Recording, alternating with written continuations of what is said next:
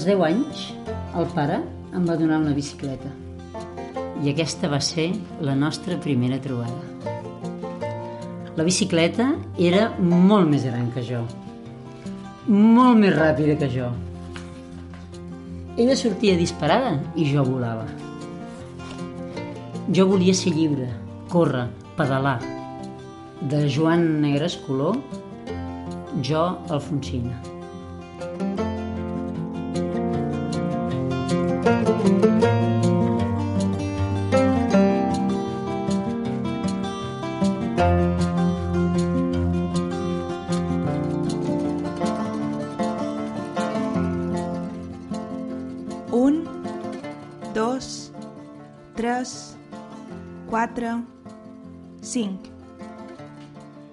Sigueu benvingudes i benvinguts altra vegada a Tàndem.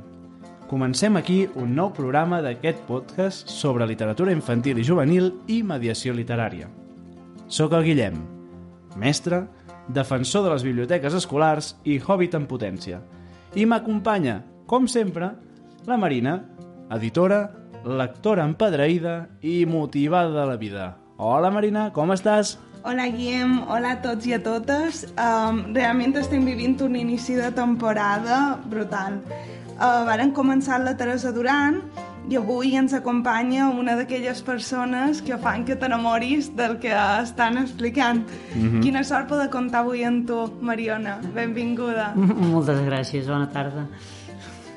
T'agraïm moltíssim que hagis acceptat venir i estar aquí aquesta tarda amb nosaltres, malgrat totes les circumstàncies que... Es- es- Estic encantada d'estar aquí amb vosaltres i les circumstàncies no han estat cap impediment. Jo he de dir, per qui no sàpiga de qui estem parlant, la Mariona és mestra. Era, però Si és, diem si és, és. si és mestre tota Eh la que vida. sí? que ha estat mestre una vegada, és Exacte, és així. I ha sigut durant molts anys la bibliotecària de l'Escola Orlandai de Barcelona.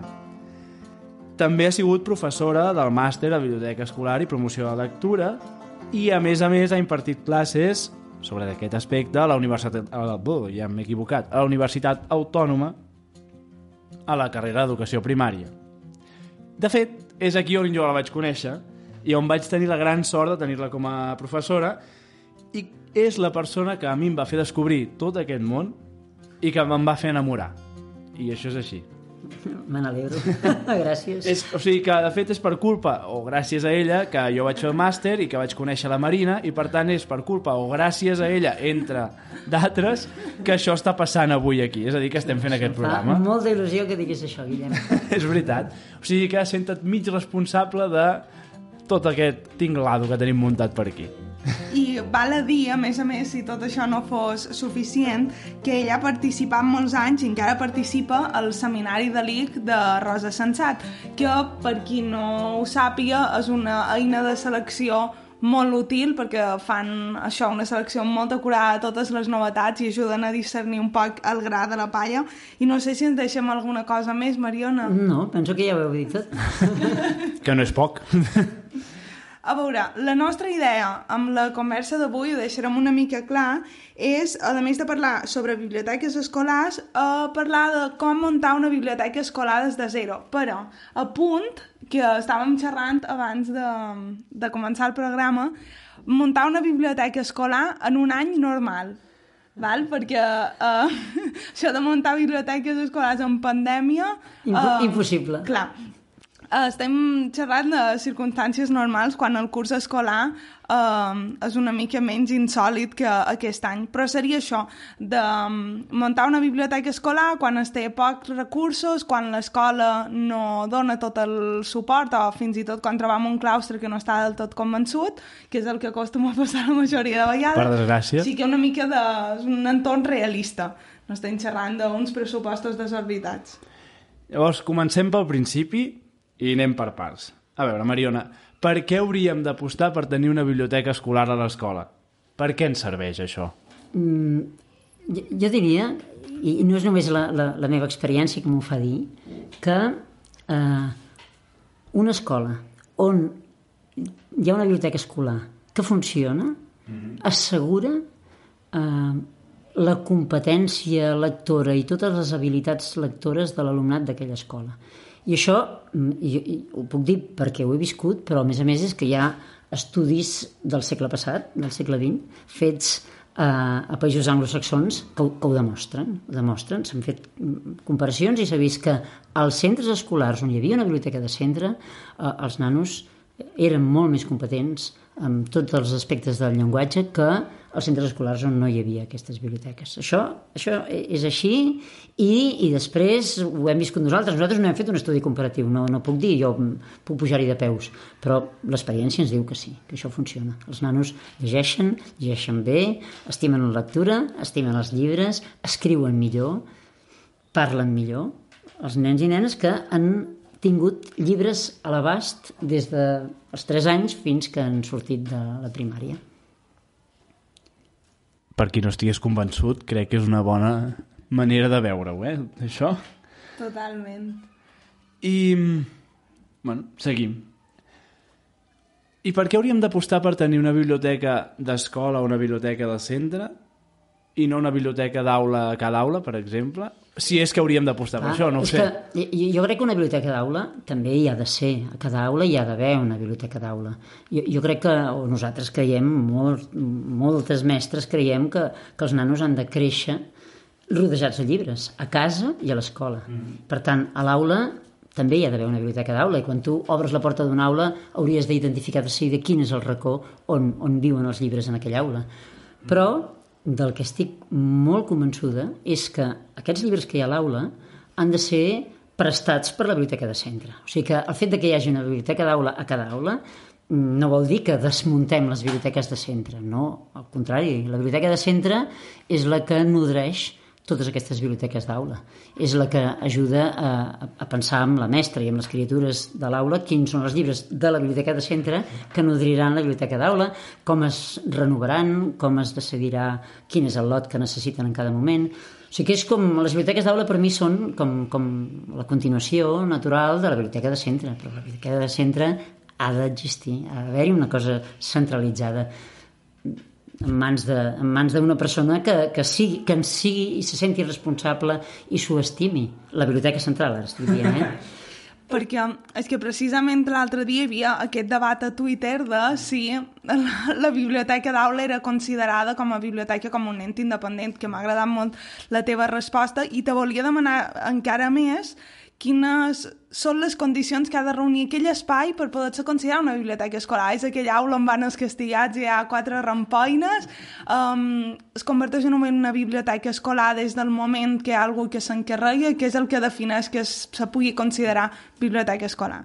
Jo crec que perquè sigui una biblioteca escolar cal, en primer lloc, que hi hagi una persona que se'n senti responsable i que ho dinamitzi.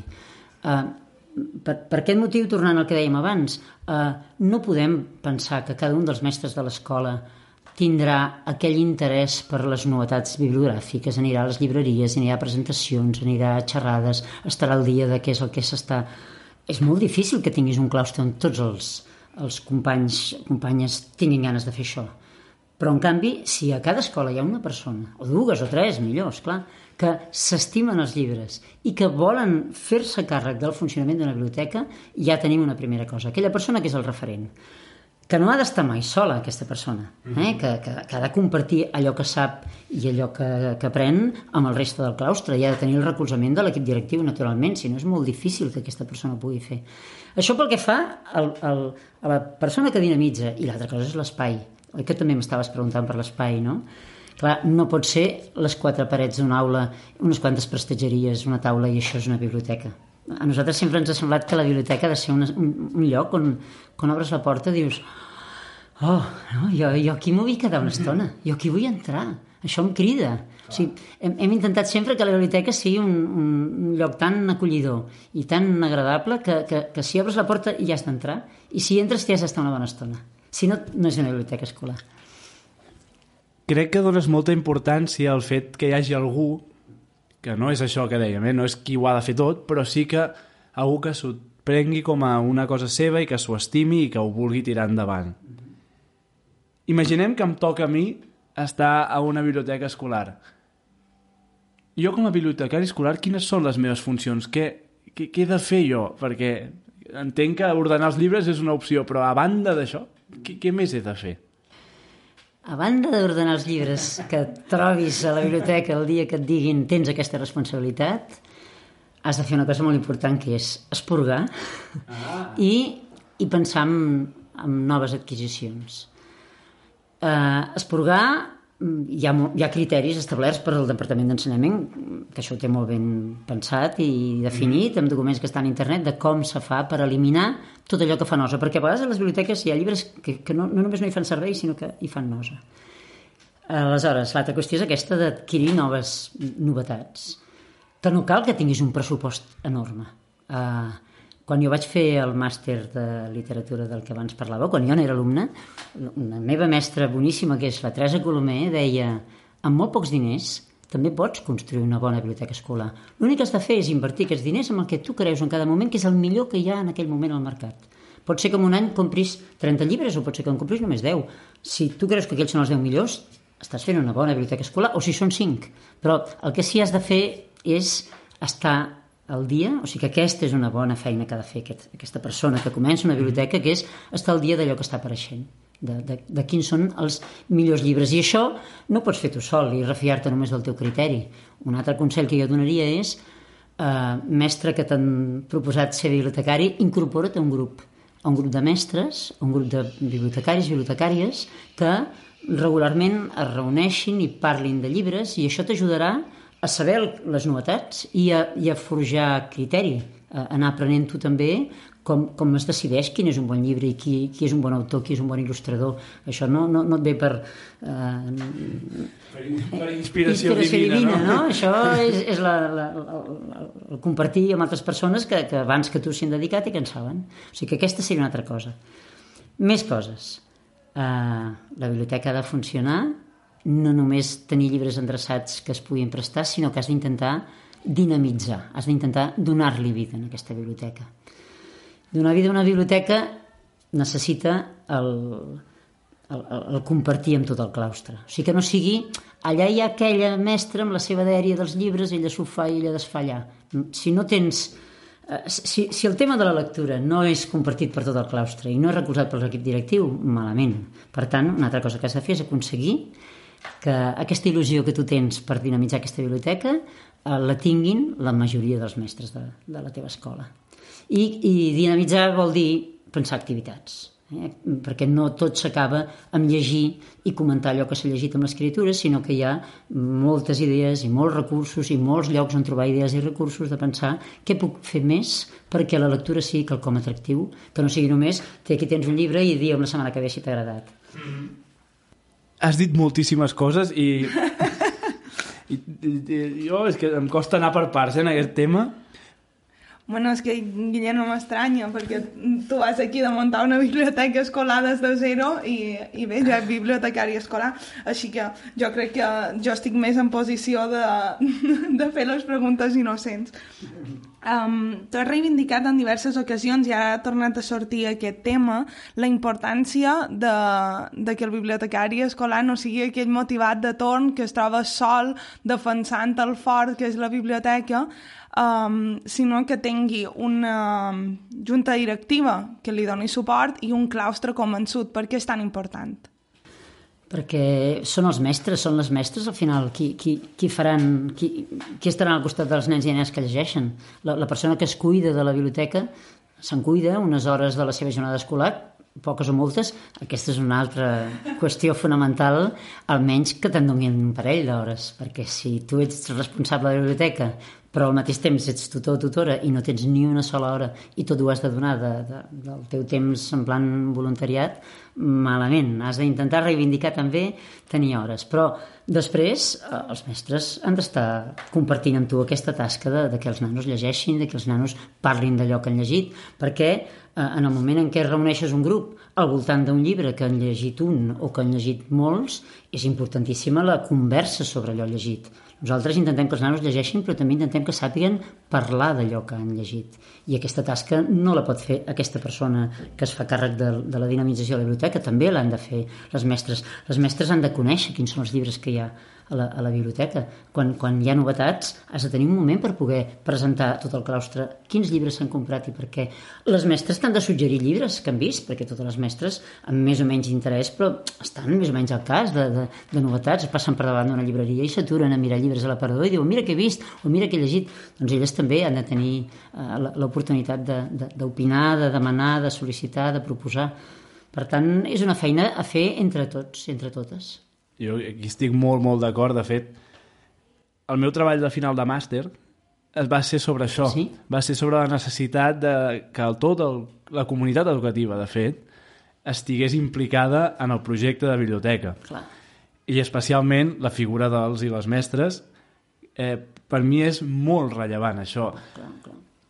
Jo sóc un motivat de la vida i ho puc in intentar eh, demostrar moltes vegades, però si no m'acompanya ningú, Malament. això no No, funciona. no ho aconseguiràs. I, I des de l'experiència personal, jo el primer que vaig intentar, abans de fer res amb els, amb els nens i amb les nenes, va ser motivar els altres mestres i les altres mestres a que volguessin uh -huh. anar a la biblioteca, que volguessin trobar llibres, que, que parlessin d'això, i a partir d'aquí ja... Ah, si, només, si no només sóc jo, sinó que tinc 10 mestres més motivats, és fantàstic.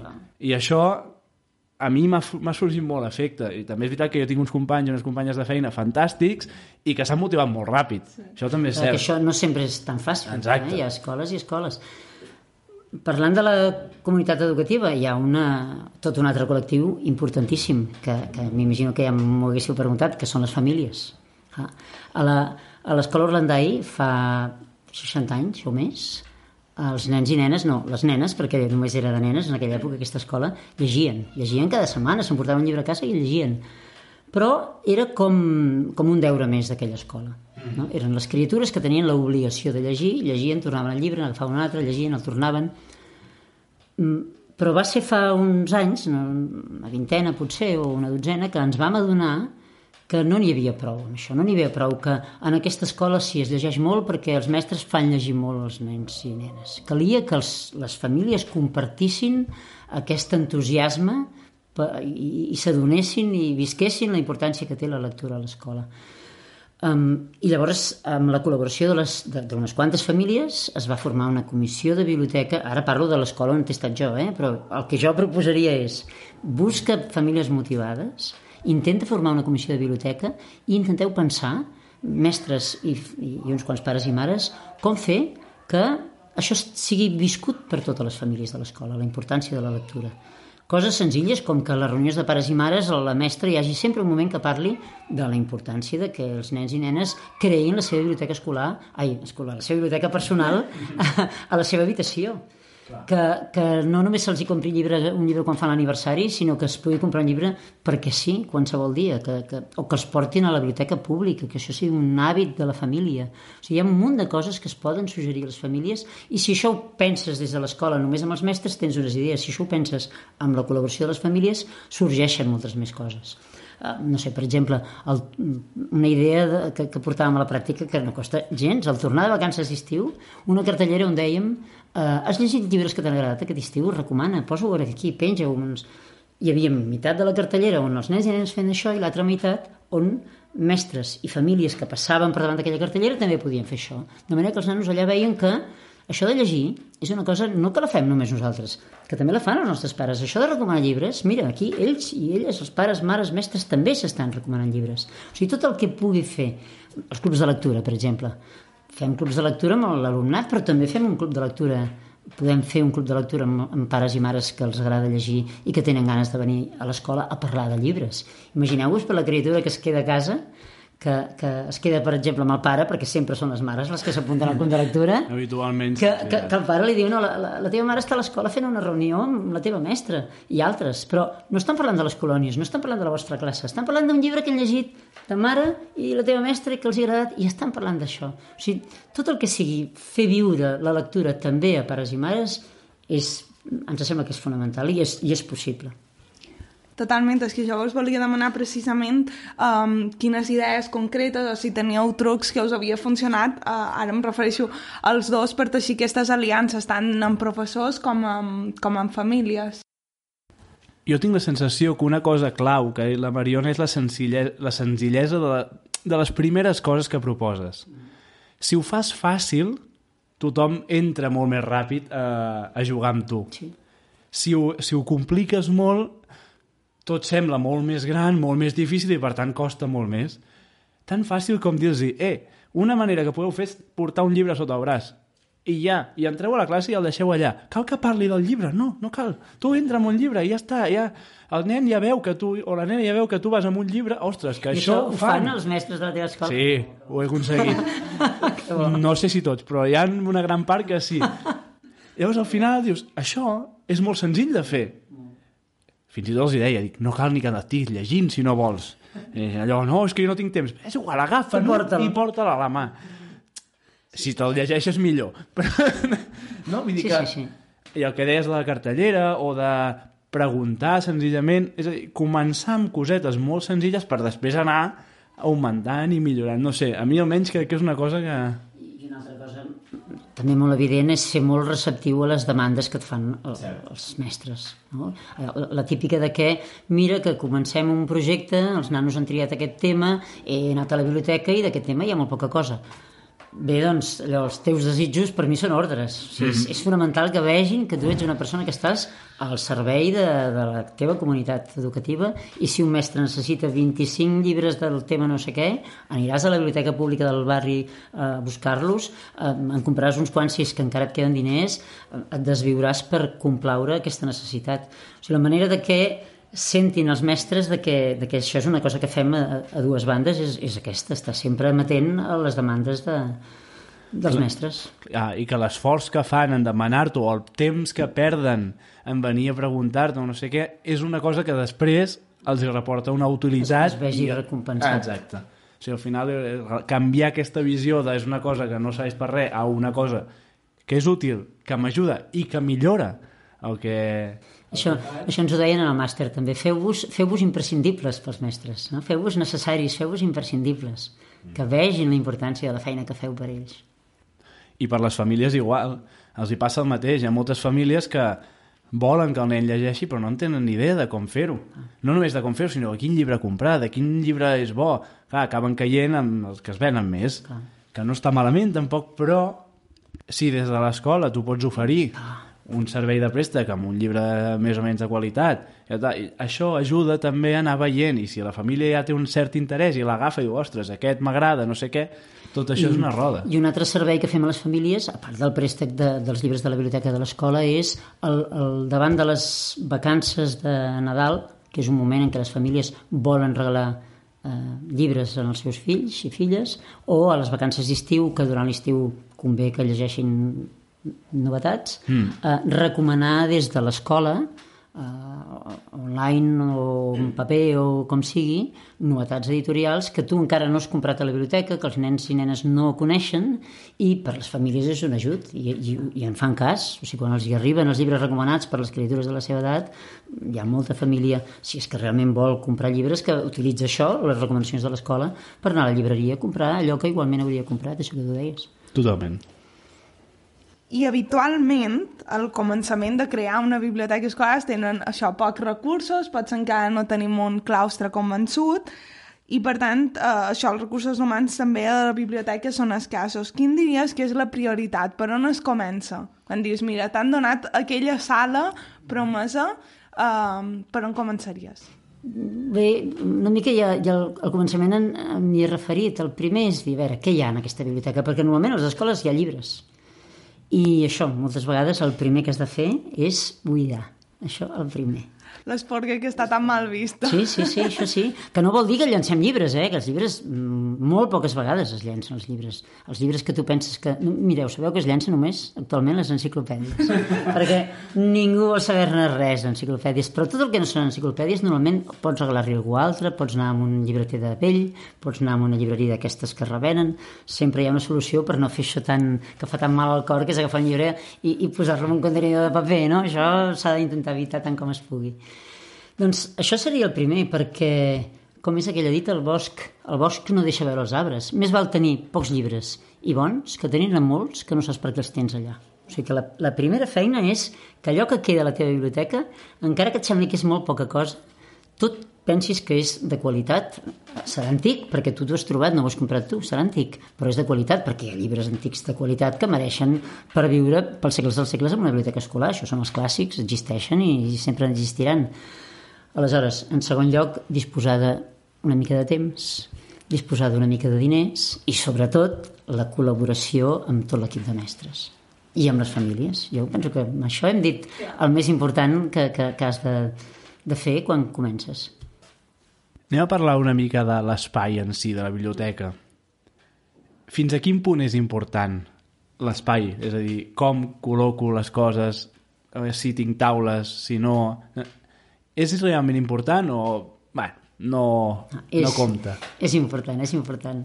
El, el com col·loco els llibres, hi ha una cosa mm, que és un argument més a favor de la biblioteca de centre, que, que amb la biblioteca d'aula em sembla que no es pot fer, que és que quan una criatura aprèn a bellugar-se dintre d'una biblioteca d'escola ben muntada, està aprenent el que després es trobarà a la biblioteca pública. Mm -hmm. O sigui que, que la biblioteca de centre és un, és un primer aprenentatge de saber localitzar els llibres, d'entendre quins són els recursos que hi ha en una biblioteca, perquè quan aquest nen, aquesta nena se'n vagi de primària a secundària, potser l'institut no trobarà això, anirà a la biblioteca pública i de seguida sabrà què és el que està trobant, sabrà trobar-ho, vaja, a la biblioteca pública.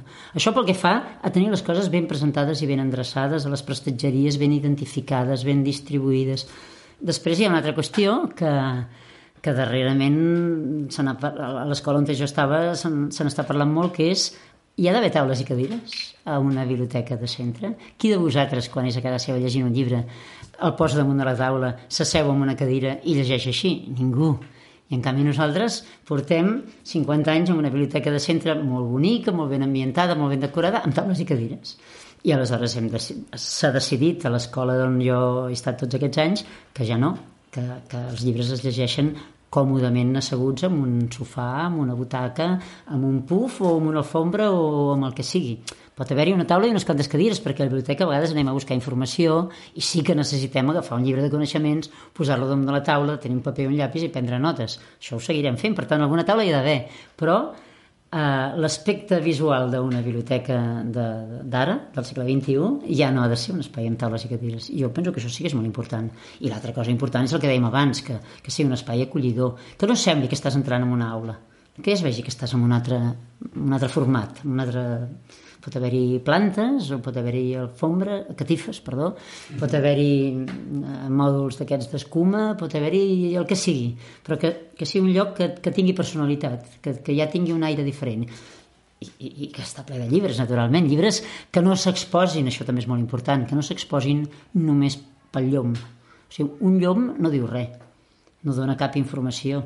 Clar que llavors pots anar allà perquè estàs buscant, estires el llum i et mires la portada, però si el tipus de mobiliari de l'escola era només de prestatgeria que mostra llum, una primera feina que tens és convèncer l'equip directiu que cal invertir uns quants diners en comprar mobiliari del que hi ha a les biblioteques públiques on els llibres es mostren de cara. No, no té res a veure.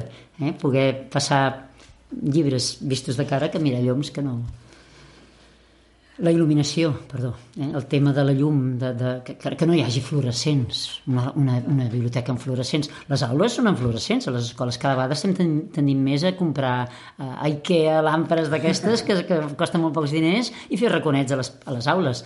Una biblioteca segur que ha de tenir raconets i ha d'estar il·luminat d'una manera que no siguin fluorescents i, i la llum natural, també pensar el que passa que això pot ser que tu ja no puguis incidir-hi amb els llums sí que hi pots incidir amb la llum natural potser no, però bueno, aprofitar al màxim la llum natural que et trobes en aquella aula també de fet, um, me'n record quan vam venir a visitar l'Orlandai que aquí es complien dos, dos factors. Record que just abans d'entrar a la biblioteca, en aquell moment hi havia una exposició sobre la nit i llibres que remetien a la nit. I clar, ja aquella exposició te convidava a entrar perquè havies de passar per dins aquella exposició que, com a molt vivencial abans d'entrar a la biblioteca. Això ja, no sé, com a infant, si jo ja com a adult em va al·lucinar tant de... Clar que l'espai on entraré després d'això ha de ser per força un espai agradable, perquè res te remet al típic espai, bueno, l'aula de castigats, que és com la majoria han viscut la biblioteca escolar, no?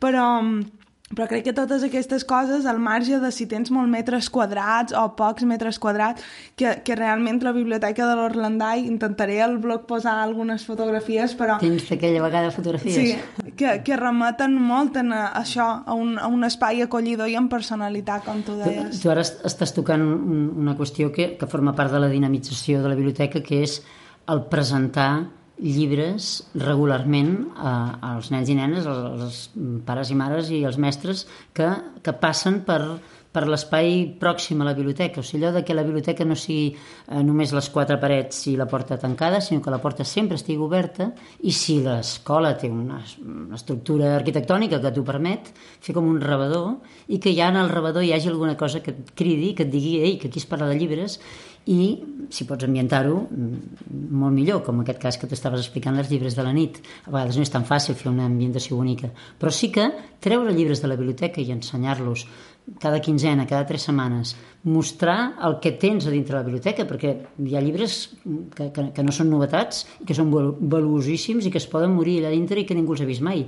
Llavors, a Orlandai el que fèiem és que cada 15 dies pensàvem un tema que si podia ser relacionat amb alguna cosa d'actualitat millor, i si no, el que fos, traiem els llibres que teníem d'aquell tema i d'alguna manera bonica, atractiva, que cridés l'atenció, els teníem exposats a l'exterior. Clar, si cada 15 dies treus una vintena de llibres, al final hauràs tret molts llibres i al cap dels anys n'hauràs tret moltíssims. I això és el que es tracta, de que la gent pugui conèixer el fons. És una bona manera de presentar el fons, aquesta de les exposicions temàtiques. I parlant del fons, i aquí som, tu parles de que millor tenir-ne 10 que sàpigues que són bons, que no molts, que no, que no creguis que tenen qualitat. O sigui que llibres amb poca qualitat literària no tenen espai en una ah, biblioteca escolar? És una bona pregunta aquesta. Ah, de, vegades, de vegades tenim, a les biblioteques escolars tenim llibres que no són de qualitat, és veritat, en tenim. Perquè també fem això que deia abans de fer amb les famílies i amb els, i amb els mestres, de que atenem les seves demandes, Clar, els nens i nenes et demanen llibres que tu no t'acaben de convèncer, que tu penses això no és el millor que hi ha en aquest moment al mercat. Però això farà que aquest nen o aquesta nena que t'ho està dient, que llegeix poquet, potser si troba això que t'està demanant que hi hagi a la biblioteca, mm, estàs aproximant-lo a la lectura, està, estàs posant-li, com qui diu, un esquer perquè si pica amb això després passi altres coses que potser no és tan fàcil aconseguir això, potser això falla a vegades, però a vegades funciona. Aleshores, jo no et diré que tinguis Jerónimos Stilton perquè són horrorosos, però sense caure en el Jerónimo Stilton hi ha coses que no són de molta qualitat però no estan malament i aquests llibres es poden tenir a la biblioteca i jo diria fins i tot que s'han de tenir a la biblioteca aquests llibres fàcils, aquests llibres que tenen molta il·lustració barrejada amb la lletra, aquests llibres que fan servir grafies diferents, que, que, que, que la criatura pensa que està llegint una novel·la molt llarga i en realitat, com que hi ha lletra molt gran, doncs ha llegit menys del que s'imagina, però, però ell ha sortit de la biblioteca amb, amb un llibre gruixut sota l'aixella molt orgullós d'allò que estava llegint. O sigui, tot això també també hi ha de ser en una biblioteca, sí, sí que hi ha de ser, sí. Va, ara anem a fer una mica de, també de informació de servei. A mi m'han encolomat el tema de la biblioteca. Tu deies al principi que era important posar-se en un grup sí. que t'ajudés a entendre no? com es trien... Val. Uh, com decideixo quins llibres comprar? Ara que m'han donat... He tingut la sort que m'han donat una mica de pressupost, cosa que no sempre passa, com decideixo quins compro? A on puc eh, acudir perquè m'ajudin amb això? O... Sí. Jo, jo al començament he parlat de formar part d'un grup, però pot ser que no tinguis el temps que es necessita per apuntar-te en un grup d'aquests amb una certa regularitat. Aleshores, has de trobar fonts d'informació i n'hi ha moltes i bones. Jo, clar, recomanaré en primer lloc la que té relació amb el seminari del qual jo formo part, que abans ho han dit en el moment de la presentació, que és el Seminari de Literatura Infantil i Juvenil de Roda Sensat.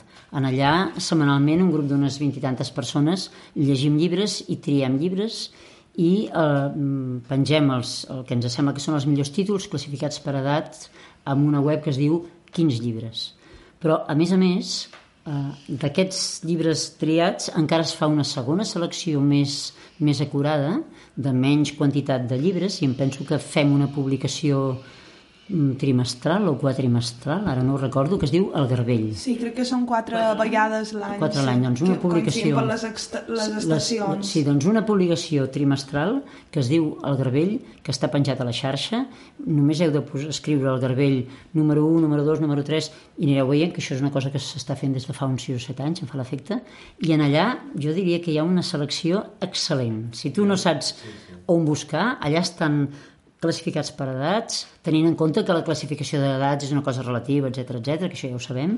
Hi ha un breu resum de, de l'argument i, i és mm, d'una qualitat, diria jo, extraordinària. És la feina d'aquest seminari afegint-hi la feina que fa l'Amàlia Ramoneda, que és la persona que coordina aquest seminari és la que acaba decidint quins llibres posen en aquesta selecció.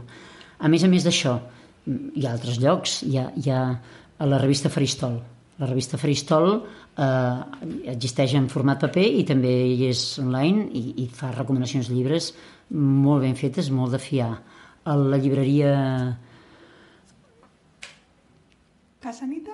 No, l'altra, Lots. La llibreria Lots té un web eh, on participa moltíssima gent que fa crítica de llibres i en allà es troba referència també amb la classificació per edats molt ben feta de llibres recomanats. Eh, fins ara hi havia Gretel, que depèn de l'autònoma, la, de la, del, del professorat de, de literatura i de literatura de, de l'autònoma.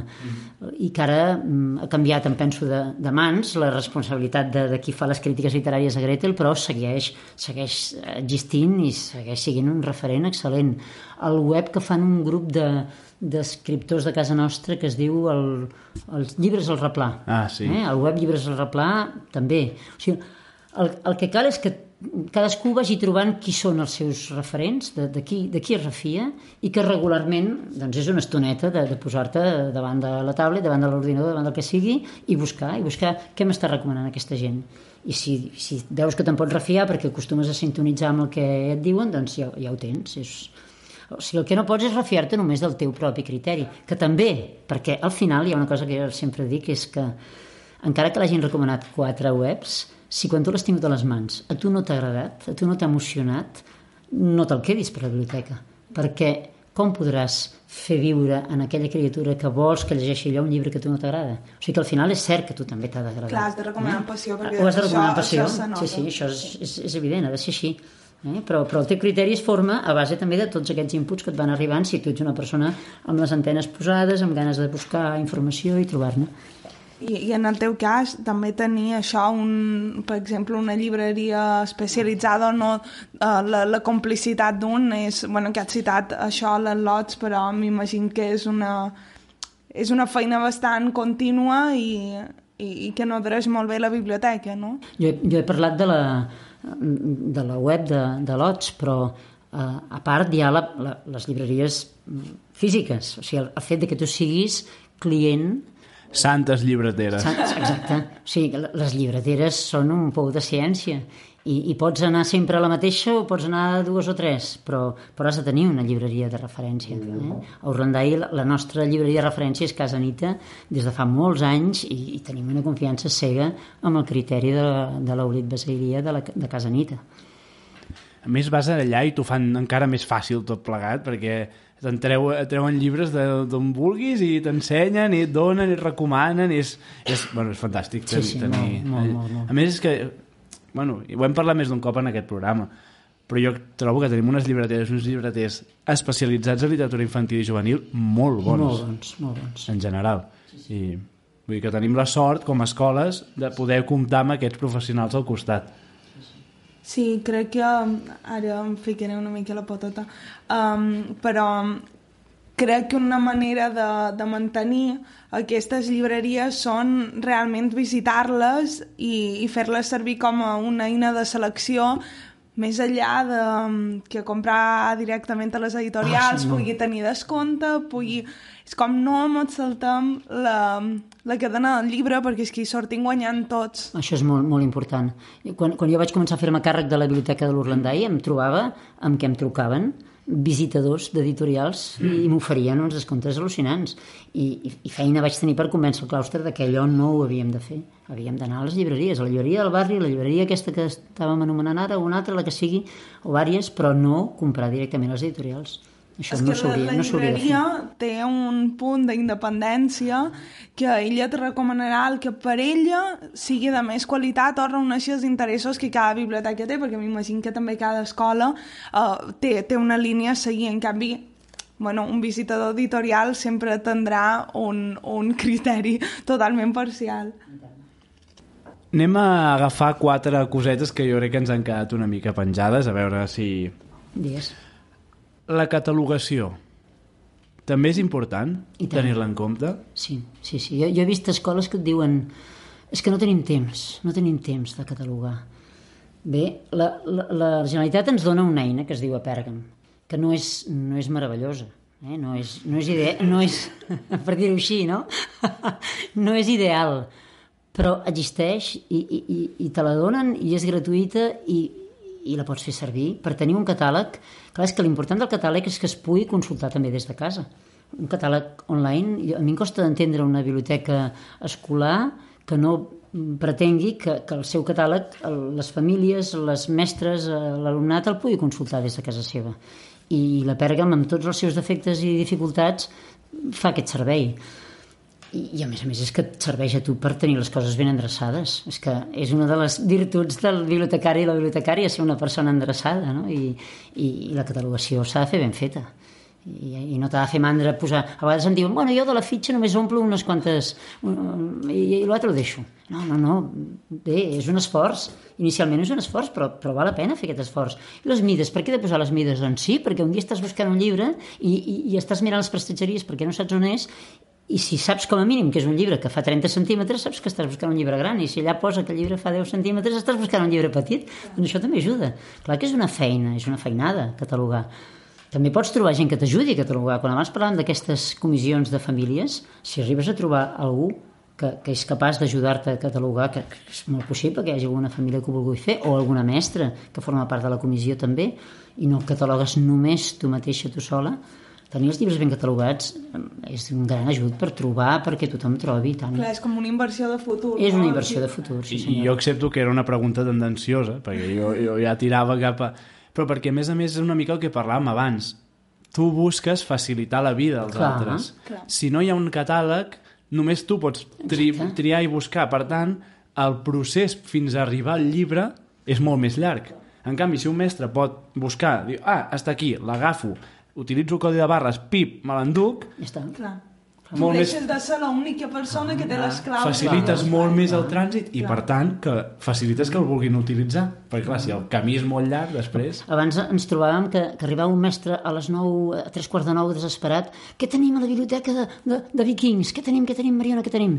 Clar, ara tu dius, no, tu estàs a casa teva, dos dies abans, tres dies abans, i consultes vikings. I, i si és catalogat bé i has posat els, les matèries, doncs aquella mestra sap que de llibres de vikings en tenim 10, dos dels quals estan prestats i els altres 8 estan a disposició i això ho sap des de casa tranquil·lament, sense nervis, només ha d'anar a la prestatgeria a buscar els 8 llibres de vikings que l'estan esperant. Clar, això amb un bon catàleg es pot aconseguir, si no és una bogeria. Clar, i això de la comissió de biblioteques m'apareix um, molt important, per, més que res perquè vaig sentir a dir les poques hores de dedicació Clar. que teniu al centre uh, per dedicar-vos a la biblioteca escolar i clar, és com pens, catalogar és una feinada i si has de catalogar però al mateix temps has de muntar exposicions Sí, i sí, sí, i tant, un i club de tant. lectura i al mateix temps preparar una maleta Sí, sí. per una classe clar. Necessites hores. I si no necessites ajuda? Hi ha gent que diu és que catalogar és molt difícil, però no, no és que sigui difícil, és difícil el primer dia. Però a la que tens una mica de pràctica, moltes persones poden catalogar llibres, moltes, la majoria, i tant. I crec que quan tu vas estar a l'escola Orlandai, una de les grans esforços també va ser el tema del blog, Ah, sí? de tenir-lo, d'estar present, fins i tot de la biblioteca digital. Uh, per què és important aquest tema, diguéssim? Home, la, la presència a les xarxes és que, és que qui, qui, no, qui no ha d'estar a la xarxa, no? Tot, tothom hi ha de ser. No? I nosaltres vam començar amb un blog i el vam fer, li vam donar vida durant 10 anys i el blog era com una mica era l'aparador, no? era l'aparador dels llibres que compràvem, de les activitats que fèiem, i va passar a ser ja només, quan vam començar a veure la quantitat de gent que visitava el blog, ens vam adonar que no, no calia que només parléssim de la, del que es feia dintre de la comunitat d'Urlandai, sinó que podíem parlar de, mm, no sé, les, les fires de llibres que hi havia a Barcelona en aquell moment, perquè ens adonàvem que allò ho estava consultant molta més gent que les famílies de l'Urlandai. Per tant, doncs, vam també obrir-ho això, no? més informació sobre llibres, sobre lectura de la ciutat de Barcelona, perquè nosaltres érem a Barcelona i fins i tot a vegades de fires de fora i altres, altres activitats. S'estrenava una pel·lícula als cinema que era d'una certa qualitat que estava basada en un llibre, doncs recomanàvem aquella pel·lícula, tant si era per criatures com si era per adults, fins i tot això. Bé, això va durar 10 anys i després vam veure que, que els blogs estaven perdent potència, que la gent ja no consultava els blogs, llavors la nostra presència, ara amb el tema de, del confinament i tot això ha davallat molt, però el blog aquell es va convertir en ser presents a Facebook, a Twitter i a Instagram d'una altra manera, potser molt més reduïda, no tantes entrades com havíem fet a l'època de, de, del blog, però bé, hem intentat seguir presents, clar, sí, perquè, perquè la gent arriba a tu a través de d'aquestes xarxes, no? Per tant, hi has de ser, si vols. I crees, i crees comunitat, no? Que és el que dèiem ah, abans. I crees comunitat, exacte, sí senyor. Sí, mm. senyor. Bé, doncs, ara tocaria la, una cosa nova que fem aquest any, que és que abans de, de venir a fer l'entrevista els hi explico a algun nen que agafo per l'escola i que, escolta, avui entrevistaré a tal persona. Què vols que li pregunti? Ah, que bo. Una mica així. La secció, la, la pregunta dels infants. La pregunta dels infants. Això és anomenat així en, en, un, en homenatge a la Teresa, que ens ho va dir, i vam dir, vale, doncs, la pregunta dels infants. I avui és una pregunta... Bé, bueno, d'un nen de 6 anys, escolta'm. I diu, va, doncs jo vull que li preguntis què és el que més li agradava de ser bibliotecària. Dic, molt bé, doncs serà preguntat. Doncs, doncs digue-li en aquesta criatura que és molt bona pregunta aquesta. I, i és, que, és que ho sé molt bé que és el que més m'agradava. El que més m'agradava era uh, aquella criatura que, que venia i et deia Mariona, la setmana passada em vas recomanar aquell llibre i aquell llibre m'ha encantat. Me'n recomanes un altre com aquest? I això, clar, jo he estat mestre durant, jo què sé, més de 40 anys de la meva vida. I sí que alguna vegada d'alguna estona d'alguna classe de ciències naturals que havia sigut experimental, algú deia uah, aquesta classe d'avui m'ha encantat, en farem una altra com aquesta. Sí, havia passat de vegades, però és que amb els llibres passa contínuament. Contínuament, si ets la persona que recomana els llibres, que, que fas de mediadora amb les criatures, et venen amb aquells ulls brillants un altre com aquest, si plau i això és una satisfacció tremenda això és, com a mestre no ho he aconseguit tant com aquests 10, 10 darrers anys com a bibliotecari escolar que bonic la veritat és que la pregunta dels infants sempre treuen el millor de l'entrevista molt bé, molt bé, molt bé Bé, és que en, en saben, sí. en saben molt. I jo? Am... Ai, no, perdona, digues, perdona t'anava a presentar, Guillem. No, doncs un moment. Vale perquè crec que hi ha una pregunta que la tenim aquí apuntada i ens l'hem així menjat una mica. Si tu haguessis de dir dos, tres dinàmiques que saps que funcionaran segur en una biblioteca escolar, dir segur és molt dir, però que dius, és que aquestes són molt fàcils o, o i ajudaran molt a, a començar a dinamitzar una biblioteca. Quines diries que són tres claus, dos, una, no sé? La, la primera seria la conversa sobre el llibre Eh? És, és una cosa molt elemental, això, però no sé, a la nostra escola durant molts anys això no es feia. O sigui que eh, si, si, si una criatura ha llegit un llibre i altres de la mateixa classe l'han llegit, segur que val la pena que ens aturem una estona a parlar. I, I si tu programes de manera que altres ho hagin llegit... Clar, això de la conversació sobre el llibre portat una mica més enllà és el club de lectura. El club de lectura, què, què demana el club de lectura? La conversa sobre el llibre només demana que un mateix llibre hagi anat passant de mà en mà i, i diverses persones l'hagin llegit. És possible. El club de lectura demana que tu t'espavilis a anar a la biblioteca pública i busquis un títol que sàpigues que en pots aconseguir 15 exemplars. I la biblioteca te'ls aconseguiran, encara que ells no el tinguin, ja sabeu com funciona això, ells te l'aconsegueixen. Si tu pots repartir 15 títols iguals en el mateix temps amb un grupet de nens que de manera voluntària diuen que els hi fa il·lusió pertànyer per aquella vegada, que no cal que sigui un compromís, només pot ser per aquell llibre. Al club de lectura tens 15 nens, nenes que al mateix dia tots estan parlant d'un llibre que han llegit. I això dona molt de sí. La, la conversa sobre el llibre jo penso que és la, la dinàmica elemental, que, que és la que hem de fer. Una altra cosa que jo diria és eh, utilitzar les, eh, el joc per presentar llibres que habitualment surten poc de les prestatgeries. O sigui, tu de vegades t'adones que has comprat un llibre amb tota la il·lusió del món, l'has presentat als mestres, l'has presentat als nens i després aquell llibre està allà mort de fàstic a la prestatgeria, vol dir que o bé et vas equivocar i no era un encert aquella compra, o bé és que no s'ha tingut dinamitzar i proposar-lo, no? Aleshores, no sé, ara jo seria molt llarg explicar jocs, però eh, el dia que saps que et venen a la biblioteca unes quantes criatures, doncs poses damunt de la taula, treus de la prestatgeria i exposes damunt de les taules uns quants títols. I amb aquests títols llavors penses alguna cosa a fer. Doncs que els personatges uns s'han escapat del llibre i tu has de localitzar aquells personatges que es, que es escanejat i has imprès i els tens allà penjats, de quin llibre han sortit. I ells a correcuit han d'anar fullejant llibres per veure d'on han sortit, una cosa així. O bé, aquests llibres que tu vols donar a conèixer, eh, fas quatre grups amb les criatures, els reparteixes, a cada grup li dones uns quants, dius ara teniu uns quants minuts, fullegeu aquest llibre i després feu com si estiguéssiu en una botiga, eh? no, no cal que llegiu, només us el mireu i després ens tornem a reunir i ens dieu mm, dels que us he donat quins són els que us han agradat més i per què, i ens ho expliqueu els altres. O sigui, coses d'aquestes que fan que Després, quan ha acabat aquesta sessió, el Marshall Wood diu, ai, mira, doncs avui he vist un llibre que no m'hi havia fixat mai que el teníem. El, el, el, el demanaré la setmana que ve. O sigui, dinàmiques d'aquestes que poden ser molt senzilles, no és res rebuscat, només per fer sortir de la prestatgeria llibres que tu creus que s'ho valen i no, i no surten. Fantàstic. Val, ara sí, presentaré a la secció del Guillem. Um, el Guillem sempre fa al convidat tres preguntes que són les mateixes. Um, són tres preguntes bastant inofensives, però són les preguntes sorpresa. De cada vegada són menys sorpresa perquè... Sí, ara ja. Uh... Algun dia les haurem de canviar. Perfecte. Guillem, com vulguis. Val. La primera pregunta és... Digue'ns un personatge de literatura infantil i juvenil que et caigui realment malament. Un, un personatge que apareix en un... Que aparegui en un conte, en un llibre, i que et caigui malament. Uh, aquella novel·leta per preadolescents que es diu... Ai, la dels... La del gel, aquella nena que ha estat segrestada i la seva germaneta l'ha de salvar el pirata que l'ha segrestat. Sabeu de quin llibre parlo? Els pirates del mar helado? Sí, no? sí, aquesta, aquesta. Aquesta. Ah, uh, Pirates en el mar helado, que ara ja està en català, eh? Ah, veus Pirates en el mar de gel, em penso que es diu. Ah, sí que és el de Viena, no? Sí, d'Editorial sí. Viena, sí senyora. En allà hi ha un personatge horrorós que, que fa por. Fa por a les protagonistes del llibre, fa por en els lectors.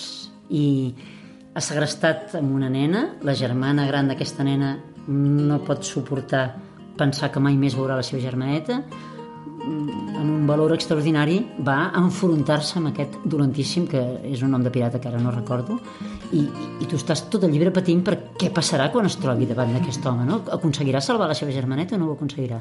És un personatge molt ben, molt ben descrit com a dolent d'un llibre. Ara se m'ha acudit aquest. Era això el que volies? Fantàstic. De fet... No hi ha, no hi ha pregunta errònia. Anava a dir, eh, pots respondre el que vulguis. doncs aquest és molt dolent. Si poguessis ara oblidar un llibre dels que has llegit a la teva vida i te'l poguessis tornar a llegir per primera vegada, quin triaries? Vegada és més difícil, això. Poder llegir per primera vegada una cosa que sé que ara m'afectaria diferent de com em va afectar llavors. O que t'agradaria tornar a viure el que vas viure en el moment en què el vas llegir? Mira, hi ha, hi ha un llibre que a mi ah, llavors em va, em va impressionar molt i, i no l'he tornat a llegir mai més i m'agradaria, sí, m'agradaria comprovar si ara em torna a impressionar, que és el llibre que, que representa el pas de les lectures infantils a les lectures juvenils.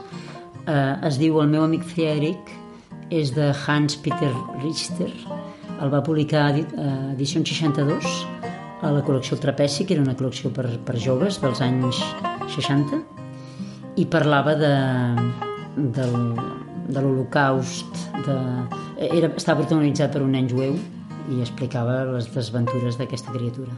Jo que fins llavors només havia llegit novel·letes d'Enid Blyton i de, de d'aquells autors que teníem als anys 60 els, les adolescents, allò em va obrir els ulls i em va dir, hi, hi ha un altre tipus de llibre. Ara sí, m'encantaria agafar-lo un dia i dir, a veure, a veure ara què em diu aquest llibre. Fenomenal. I l'última, de fet, és has de completar la frase.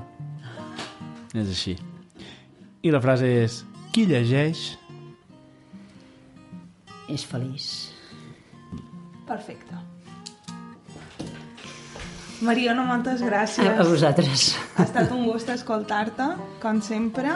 Per mi ha estat una estona molt, molt agradable, també. A mi em passa que sempre que la sento torno a, a les classes de la universitat i em quedo encantat com ja em passava llavors. Llavors, Ets molt amable. Perfecte, doncs això, moltes gràcies Mariana per dedicar-nos el teu temps.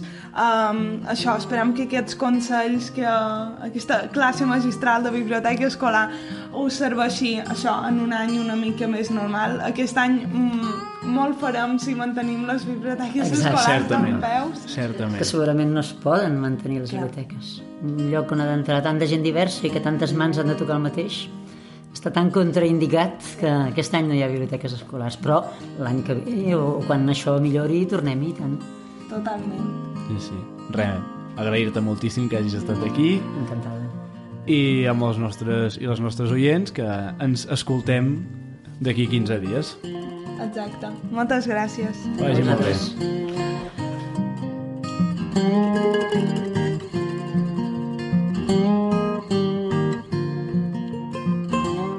Aquest programa s'ha acabat, però recorda que tens totes les notes a aquest podcast amb els llibres citats i tota la informació del que hem parlat avui a lletraferits.cat. A Instagram trobaràs en Guillem com el Tabalet i na Marina com Lletraferits. També ens trobaràs a Twitter com Tandem League. I si el programa se't queda curt i vols rebre més continguts, apunta't a la nostra newsletter i cada mes rebràs recomanacions, activitats, agenda i molt més.